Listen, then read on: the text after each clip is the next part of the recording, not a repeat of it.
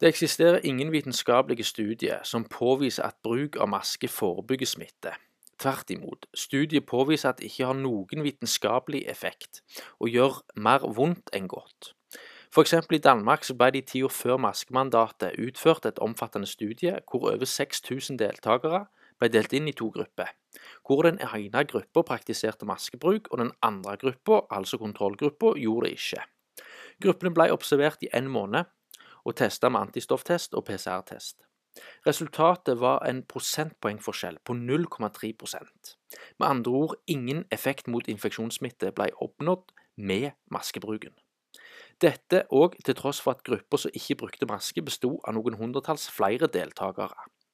Og et annet studie fra Emerging Infectious Diseases, en såkalt peer-reviewed journal fra CDCs egne hjemmesider, tok for seg 14 tilfeldige studier der ingen av dem kunne vise til effekt av maske på infeksjonssykdom.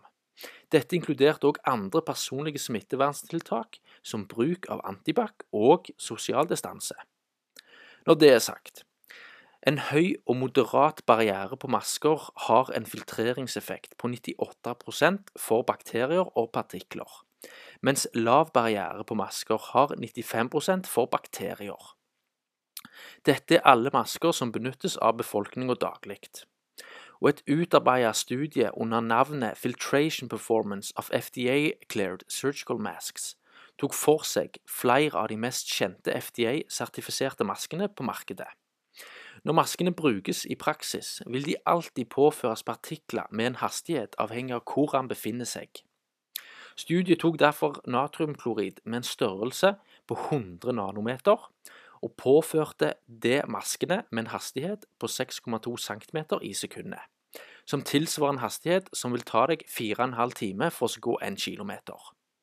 Resultatet viste at filtreringseffekten på maskene ble da redusert fra å være 95% og 98% til å ende opp på 83 92% Dette tatt i betraktning at det såkalt, såkalte covid-19-viruset er mellom 70 og 90 nanometer, og at befolkninga generelt aldri befinner seg i vakuum, er dette et av flere nevnte vitenskapelige studier som påviser at maske er og forblir fullstendig ubrukelige i denne sammenheng, og gjør vondt verre.